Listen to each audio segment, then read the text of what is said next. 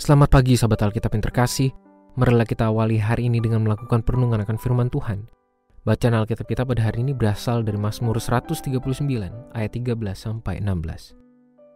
Sesungguhnya engkaulah yang membentuk buah pinggangku, menenun aku dalam kandungan ibuku. Aku bersyukur kepadamu sebab aku dijadikan dengan dahsyat dan ajaib. Betapa ajaib apa yang kau buat, dan jiwaku benar-benar menyadarinya.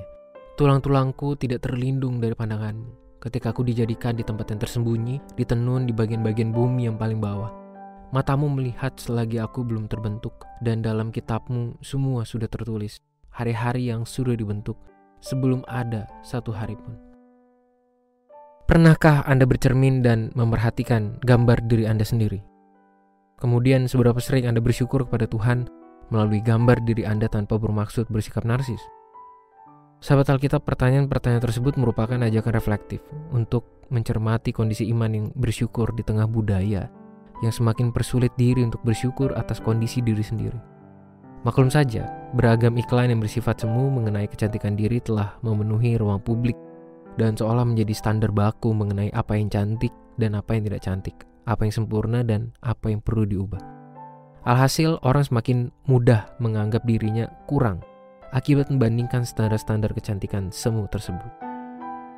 Itulah mengapa kita perlu bertanya, apakah kita pernah bersyukur atas kondisi diri kita saat ini, sebagaimana Tuhan menciptakan kita?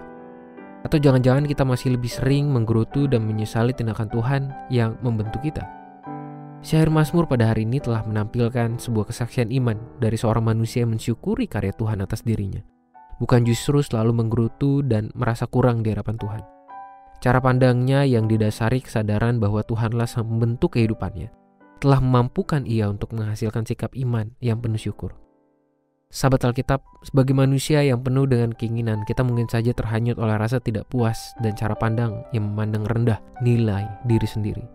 Alhasil kita pun sulit untuk mensyukuri karya Tuhan melalui kondisi diri kita masing-masing.